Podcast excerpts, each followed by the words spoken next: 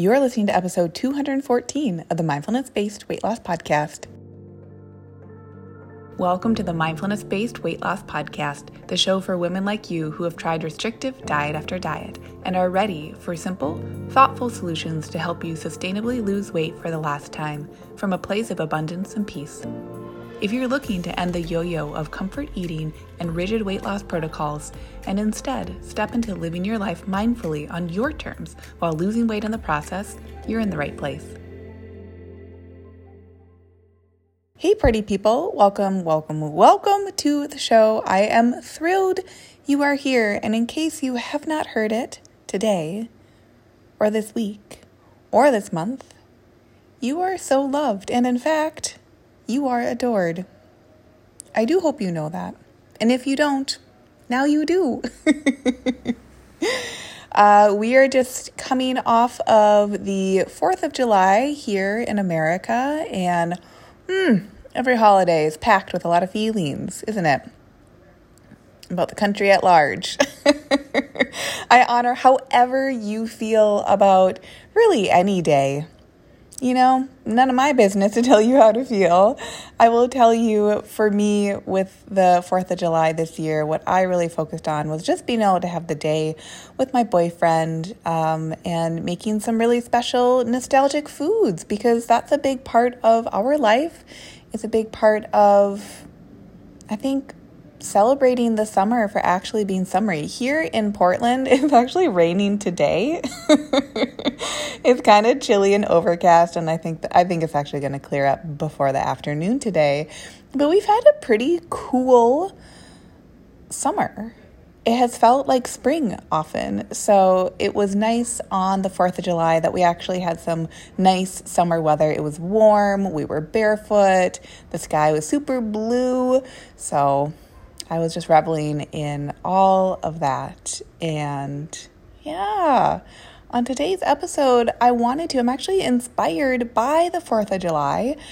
After I sat down, and we had our we had like the what we made was a special fourth of july lunch and then dinner was just leftovers breakfast is just you know like whatever our special food focus because we do love to cook so much and you know that's that's a part of what I value in my life is being with my food and creating my food and enjoying it. Um, in reflection, I realized that wait, actually, these plates of food are something I could talk about on the podcast because I realize, you know, as I make this podcast, of course I tailor information to be seasonally appropriate. Like when when it's the holiday season, come November and December, like we've got to talk about holiday foods, we've got to talk about vacations and family and you know, the stress and parts of life that come up during that season. But I'm always really aware that like when we're talking about these subjects or any subject, I very rarely do I want to approach the subject of something like holiday eating as a problem or an issue. Now, at the very same time, I honor and appreciate if it does feel like an issue or a problem to you currently. So there's a both and in this conversation because if you're new here, both and is how we do a lot of things because not much in life is really all or nothing. Probably some things are, but when it comes to these subjects, when it comes to our emotions, the things we're thinking, the things like all of that stuff, it uh, very often we actually do have to talk in shades of gray, that there's always kind of a spectrum in which we're experiencing things, taking in information, processing it um, aligning with it, aligning with our values, there's always a plethora of different choices we can be making. And so if we don't speak into that plethora, then I think we're kind of doing ourselves a disservice. And so, with that, I was noticing that the conventional thinking around holidays and food is a couple of things. And those couple of things fall into the all or nothing category. Number one, how often do we make it out to be that the holidays are these amazing food holidays? I know for me, like, I love holiday food, okay? So, like, we're loving up on that. We're not trying to turn anyone into a food robot here. And at the same time, I want you to be considering when you think about your life best lived And not best like shiniest, but just like best, most embodied by you, right? You living your life in the way that you desire to. What is that relationship with food around the holidays? I really want you to think about that. And by the way, this will probably vary person to person. So your answer might be different than my answer. My answer might be different than someone else's answer. And that is how diet culture gets dissolved. like it's how we kind of step through the dieting. It's how we step through the diet culture. It's how we come out not even on the other side, but just like like in a different plane. so when you're thinking about your life well lived, what comes up for you around your relationship, how you desire to be consciously engaging with the foods that you eat during the holidays.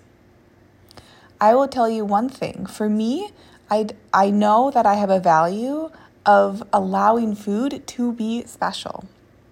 And part of that means that there are probably going to be foods that I choose to eat and consume on holidays that I'm not really thinking about a lot of the other times of the year because I enjoy having like a seasonally special food. And as well, I believe that the more present I am with that food, the more I actually derive pleasure from eating that food. And that is a different conversation than believing that holiday foods are special. They come once a year or, you know, a, a handful of times a year. And because they are so special, it's actually something scarce and something that I am deprived of. And or I have rules in my head about what types of food I should be eating and that holidays are a break from the types of food I should be eating, and therefore on holidays I'm eating foods I shouldn't be eating. Do you see how there's a both and that I'm trying to describe here? The both and is that we can hold the sacredness of special, specially timed foods, specially seasonally foods. Um, especially seasonal foods, you know, like a fresh berry from the bush. Here in Portland, that's only going to happen a couple months out of the year doesn't mean it's good or bad that we can get berries any other time of the year. It doesn't mean it's good or bad those berries are coming from somewhere else. And doesn't mean it's good or bad that those berries that are seasonally local only occur during the months that they can grow here. It's all like all of that is just it just kind of is what it is. And it's the relationship and being in relation to the information as things are what they are that that is where we can then come into intentional choice following? That is what gets to be the difference in approaching special holiday foods from a place of, I would even say, like reverence and honoring. Oh, I'm deciding if they're special. Oh, I know that, dot, dot, dot, right? Oh, I'm opting into whatever these foods are in exactly the same manner, exactly the same spirit as I opt into any other food. I think that really turns diet culture on its head. And I see this with my clients too. As they're processing their different food choices, they're unpacking the stories that are associated with them, right? What comes up for me around a special Christmas treat? What comes up for me as I compare Christmas, December time to January time? Right? What might those stories be? And as I notice them, as I desire to bring up my awareness of them, as I start to hang out with that awareness, now that I have that awareness that I've generated, now it's from that place that I can really decide would I like to continue to be in reaction because often when we when we don't have the awareness and we're feeling a struggle around something which is a lot of what dieting is like trying to fix in the short term, but it doesn't really ever fix because it's not looking at our emotions, it's not looking at how we're feeling. When we're looking at foods in terms of a problem to be fixed, we're we're never really honoring that our emotions aren't problematic. Especially in these arenas. It's really not problematic if you find foods overwhelming and bad. I know. It's wild. I don't say that to displace or downgrade any emotion, but I say that to offer would we like to be, to choose to be, be in a place of awareness. And as we consciously choose that awareness, that reaction is then given the opportunity to shift into reflection. And as I've said in previous episodes, we have every right to choose and continue the reaction as much as we have the right to choose and continue the reflection. And the only reason I bring up reflection is that in diet culture, we are not taught that very often. I would even just say in our conventional, standard American culture at large, we are not shown reflection very often. And so it makes sense, at least to me, that our like culturally our default is to shift into reaction versus shifting into reflection. And even that right there, I'm going to get one level more meta, which I know if you've been here a while, you know that we do this. If we go one level to get even more meta with that, when we're not being shown or even just like, it's just not it's like we're not even aware that we have the capability to choose to be in reflection and that if if that is also coupled with any feelings of lower self-esteem or lower self-worth because of the stories of diet culture then you can bet your butt that of course it's going to feel like a bad thing or a hard thing or like too much to choose our reflection versus choosing our reaction because if you're feeling stressed out, you're feeling separate and isolated and different from your communities, which again, raise your hand if you've ever felt that way. A lot of us feel that way, and we opt to dieting as a way to try to create structure in our lives, to try to create some semblance of comfort in our lives, right? Because if only things are controlled, then they'll be predictable and then our stress will go away. But what do we know? What do we know when we really dissect these subjects? It's not more control that gives us ease. It's more awareness and presence with the fact that for most things we do not have control. And thusly, let us celebrate the ish out of that in order to create a life experience where the few things that we do have some say over, that we are in charge of, we no longer feel that desire or pull or urge to be practicing reaction we start to see, oh my God, I have so much self confidence that of course I can be in reflection. Of course I can be in reflection around the holiday foods. Of course I'm in charge of the foods I put in my mouth. Of course I only eat foods that I love. Or of course I always try a new food when it's offered to me. Whatever your values end up being, those are for you by you and not in a weird individualistic, no one can tell you what to do, ever, blah, blah, blah, blah. No, in a as part of you being an integral part of your social web, your communities. Of course, tending to your beautiful vessel is in the utmost of respect and the utmost of importance to continue to further the living, breathing nature of those communities. And I don't know about you, but I think that's especially poignant right now. So please don't for one iota of a second ever doubt the work that you are doing, the practice that you are putting in towards tending to yourself, because it is a story of diet culture that tending to yourself is selfish. It is not. Tending to yourself is how we continue to keep communities strong and alive and lively. And the more we are able to tend to ourselves, not in those rote self care, like hashtag self care ways, maybe some of those do really fill your cup, love it. I think you know what I mean though. But in these, in these instances of just saying, can I come back to my present moment? Because the more we're able to do that, also, I think a lot of us might share this value here, the more we can do that for other people. And diet culture gets that part twisted. Diet culture says just give, give, give, give, give. It's going to feel so, so, so, so good. And then somehow you'll just be able to carry on and do your own thing. It's so much more of a dance. We give, we receive. We give, we receive.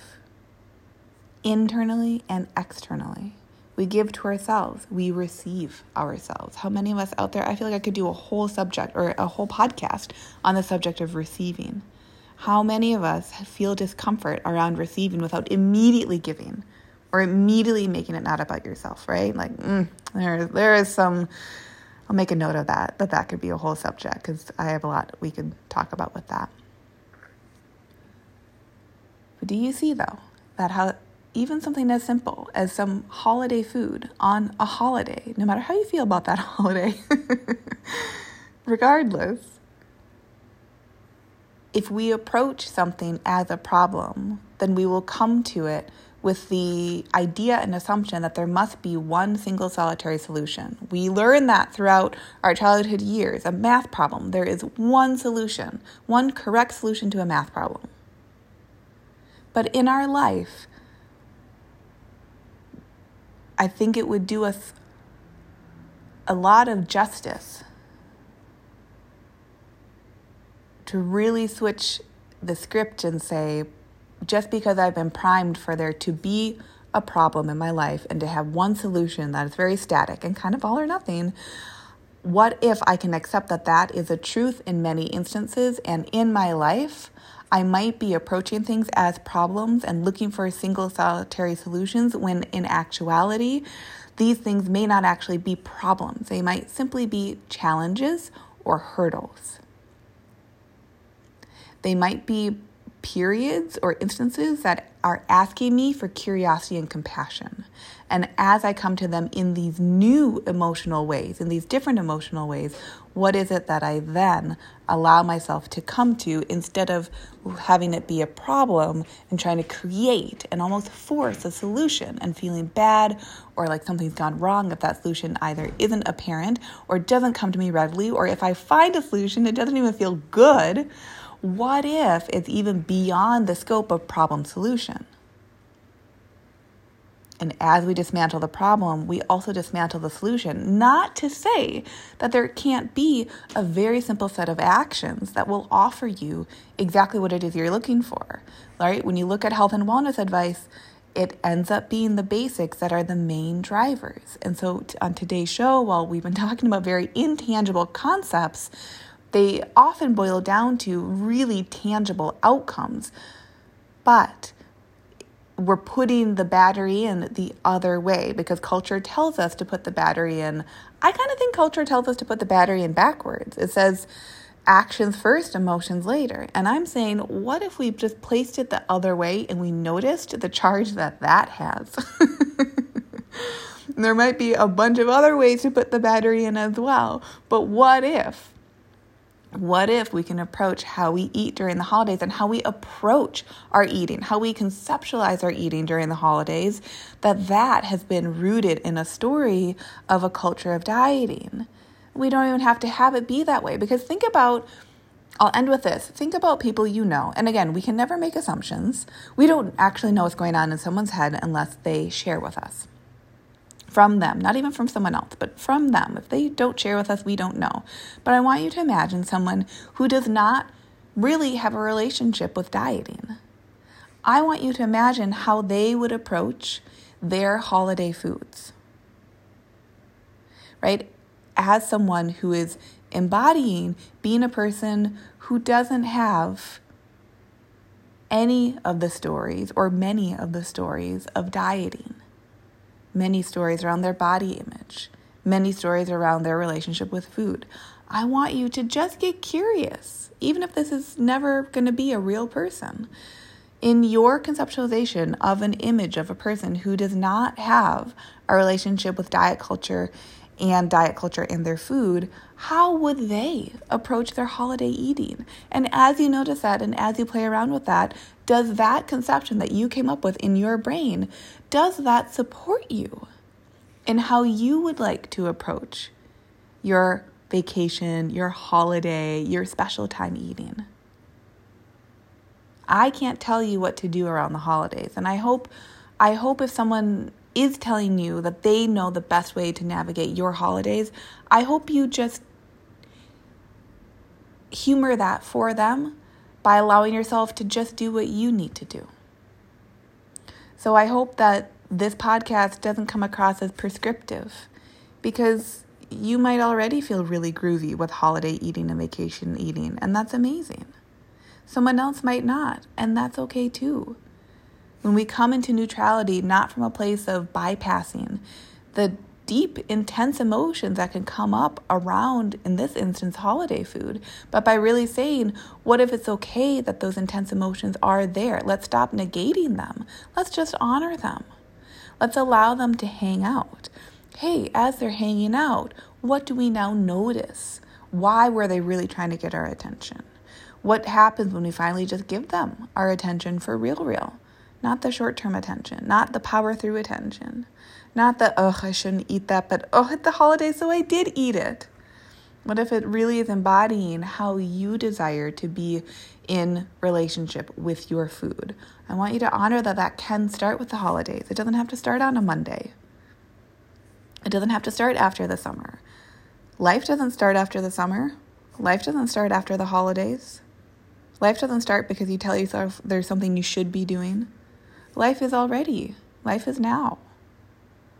And thusly, what you desire for yourself, you're in like what a oogie woogie way to say it, but you're in co creation with that right now. It's simply the stress response that says, do it later, get it done later. Now, you might need to plan things for yourself to ensure that things happen later, right? You might need to make a conscious decision, make a conscious choice, and then adhere to it and allow any feeling to come up as you do because it might be new and different. But that's a conversation for a different story, or that's a conversation for a different day. So now that we're on the other side of one holiday, and you have perhaps some recent reflections on your relationship with food during holidays. I hope this podcast episode was helpful. And I hope you can really just say, like, yeah, I've got this. There is no rush. This timetable is for me, by me, as someone in community, as someone who desires to be there for their community, as an integral part of that community, because you are so loved. You are adored. I don't want you to ever forget that. So that's our episode for the day. I hope it found you so well. As always, reach out to me. I'm over on the Instagrams. I wish there were an easy way to like chit chat on TikTok. Um, there isn't. it seems to be easiest on on Instagram. So if you are on Instagram and I just it makes my day to hear when these subjects are supportive for you. So if you ever want to share, please do. I'm always here. I'm a real human. I think you are too. And this is the beauty of the internet is that it allows some connections and communities that I cherish and I hope you do too. So, until next week, take these subjects, run with them, and I will see you on next week's episode. Bye. Hey, if you love today's show, I'd love for you to take a minute and give a rating with a review. If you too are ready for more women to make life choices from loving mindfulness, that means we need more women listening to this message so they know it's available to them and they can do it too. And if you're ready yourself, come join Lean and Liberated, where we'll work together and you'll learn how to take this process to the next level in your weight loss goals, life desires, and beyond go to luciahawley.com. That's L U C I A H A W L E Y.com to connect.